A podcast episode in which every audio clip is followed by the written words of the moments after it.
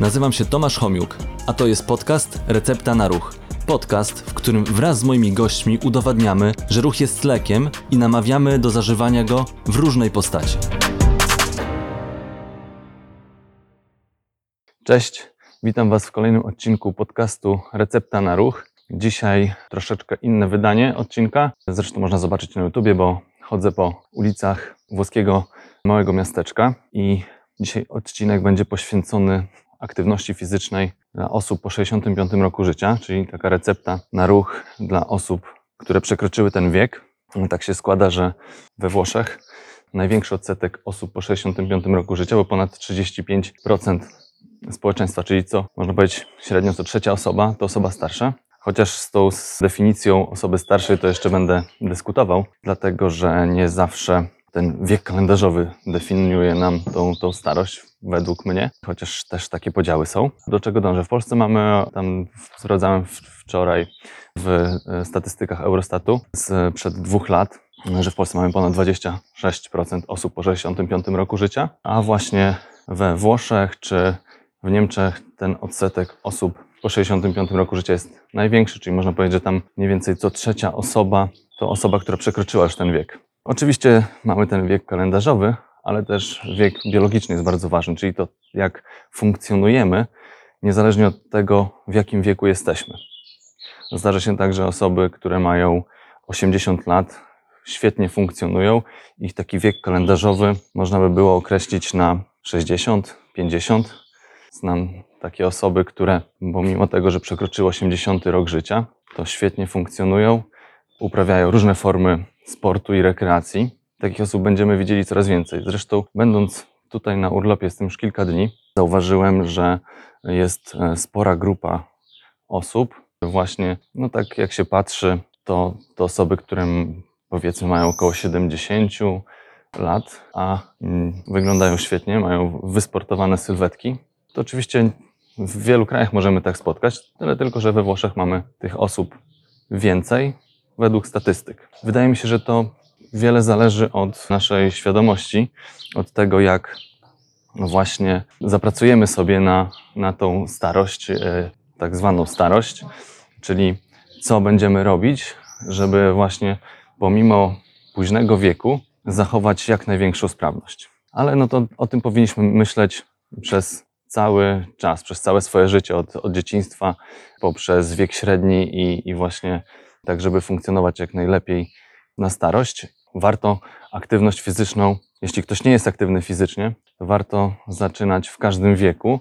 I dlatego no, chciałbym w tym odcinku krótko opowiedzieć o zaleceniach, e, jakie formułuje chociażby Światowa Organizacja Zdrowia, czy na przykład Amerykańskie Towarzystwo Medycyny Sportowej, które właśnie mówią, jak ta aktywność powinna wyglądać, jak powinna wyglądać taka recepta na ruch i jakie aktywności powinna zawierać, w jakiej częstotliwości i dawce. Według Światowej Organizacji Zdrowia ta aktywność dla osób po 65 roku życia powinna zawierać minimum 150 minut e, umiarkowanego wysiłku fizycznego w tygodniu, ewentualnie 75 minut wysiłku takiego bardziej intensywnego, czyli takiego, który wyraźnie podnosi częstość akcji serca, szybkość oddechu.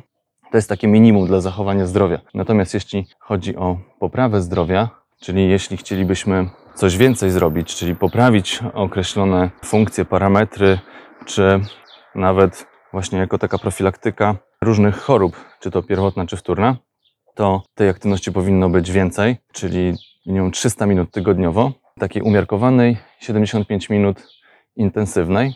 Ewentualne, ewentualnie połączenie, oczywiście kombinacja tych obu aktywności umiarkowanej i intensywnej, czyli jeśli chodzi o te, te minimum, to może być na przykład 100 minut umiarkowanej i 25 minut intensywnej. Także te, te formy można oczywiście łączyć w zależności od tego, co robimy i na jakim poziomie jesteśmy, jeśli chodzi o tą naszą aktywność. I co jeszcze ważne, tutaj ta WHO podaje, że takie minimum takiej jednostki to jest 10 minut, czyli ta aktywność powinna nie być, nie powinna być przerywana przez minimum 10 minut, żeby jakby do tych, te zalecenia wypełnić.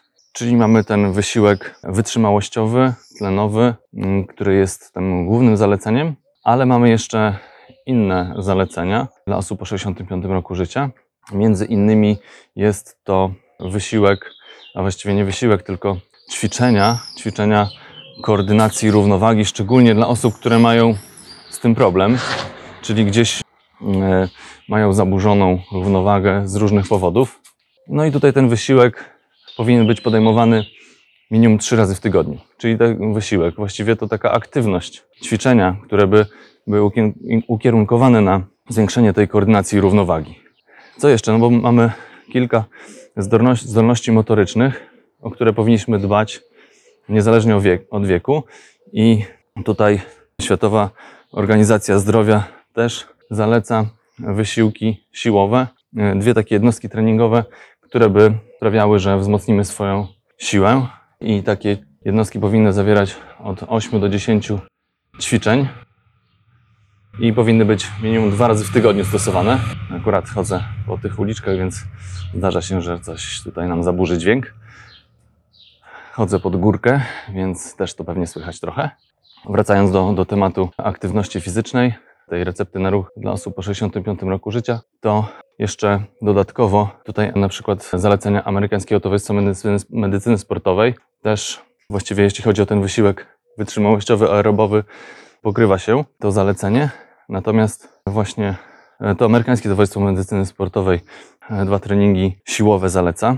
8-10 ćwiczeń różnych na duże grupy mięśniowe i tam jest też powiedziane, że te, każde ćwiczenie powinno zawierać od 10 do 15 powtórzeń. Czyli wiemy, y, i to, i to taki wysiłek siłowy, który nie musi być z jakimś obciążeniem zewnętrznym, czyli bez użycia jakichś tam sprzętów. Może to być, e, mogą to być ćwiczenia, które obejmują ciężar własnego ciała, czyli na przykład przysiady, pompki, tego typu aktywności. Jeśli chodzi o e, Amerykańskie Towarzystwo Medycyny Sportowej, to tam jeszcze jest jedna forma zdefiniowana, jeśli chodzi o zalecenia, czyli to jest ćwiczenia rozciągające. I tutaj twierdzą, że to jest, to jest bardzo ważne, żeby zachować elastyczność mięśni stawów, ale głównie po to, żeby e, mieć tą sprawność funkcjonalną lepszą, czyli mieć możliwość wykonywania wię- większej ilości czynności. Wiemy doskonale, że ta ruchomość, mobilność jest nam mm, bardzo potrzebna do tego, żeby nie tylko takie czynności dnia codziennego wykonywać, ale jeśli myślimy o czymś więcej, o jakiejś formie sportu czy rekreacji, no to ta mobilność jest e, bardzo istotna, żebyśmy mogli to wykonywać sprawnie i bezpiecznie. Także tutaj jest e, wiele różnych organizacji, takich właśnie jak WHO czy Amerykańskie Towarzystwo Medycyny Sportowej, które przygotowują takie rekomendacje. My w Polsce korzystamy z tamtych rekomendacji. Są różne takie organizacje czy stowarzyszenia w różnych państwach. Widziałem też kanadyjskie zalecenia. One też mniej więcej się pokrywają z tym, co, co powiedziałem, bo właściwie te zalecenia są tworzone na bazie wielu analiz, różnych badań, które, które mówią o tym, co się sprawdza w na przykład właśnie w danej grupie wiekowej, jakie problemy te grupy wiekowe mają i w jaki sposób można temu zaradzić w formie profilaktyki, czy, czy nawet takiego wspomagania leczenia, bo, bo tutaj ruch to, to też wspomaganie, wspomaganie leczenia różnych chorób czy, czy dysfunkcji. I właśnie na bazie tych wielu analiz no, dochodzi do tworzenia takich rekomendacji.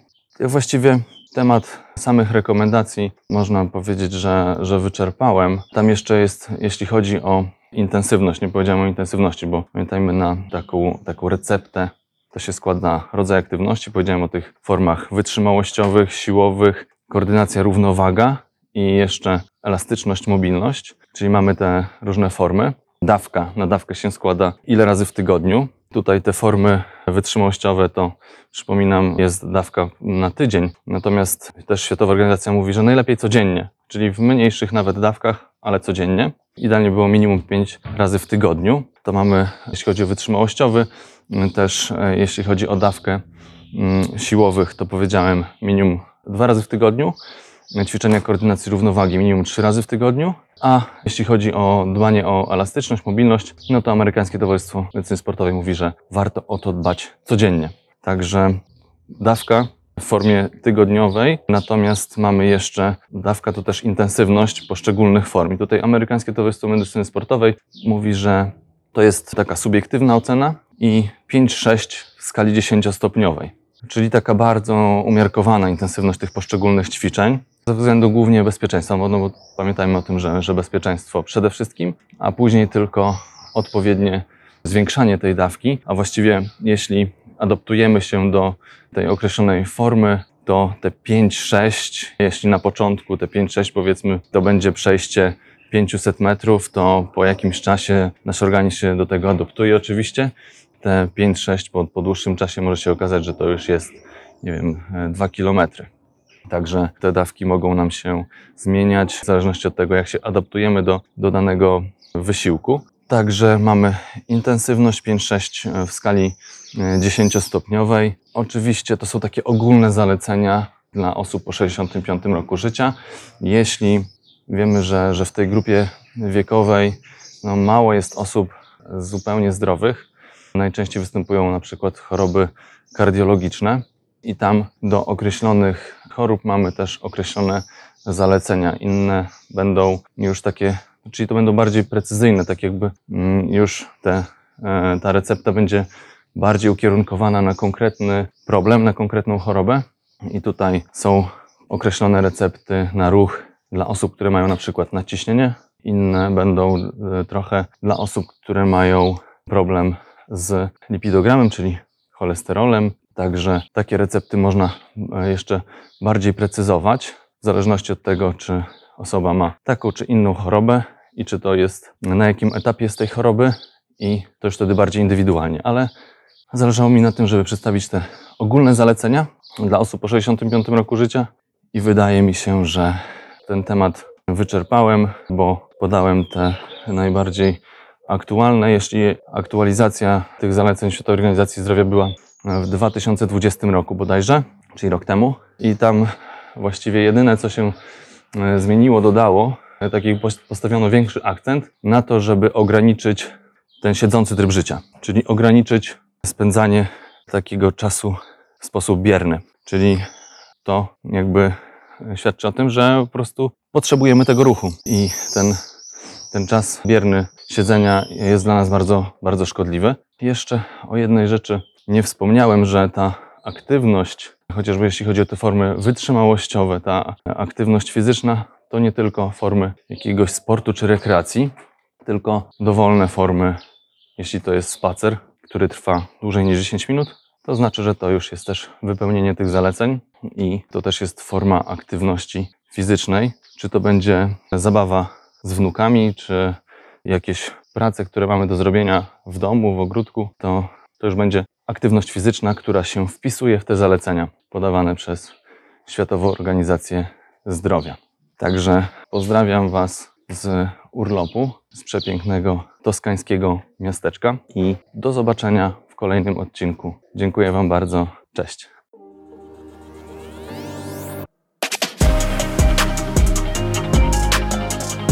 Dzięki, że byliście. Mam nadzieję, że zostaniecie tutaj na dłużej. Jeżeli chcecie być na bieżąco, zasubskrybujcie kanał Recepta na Ruch.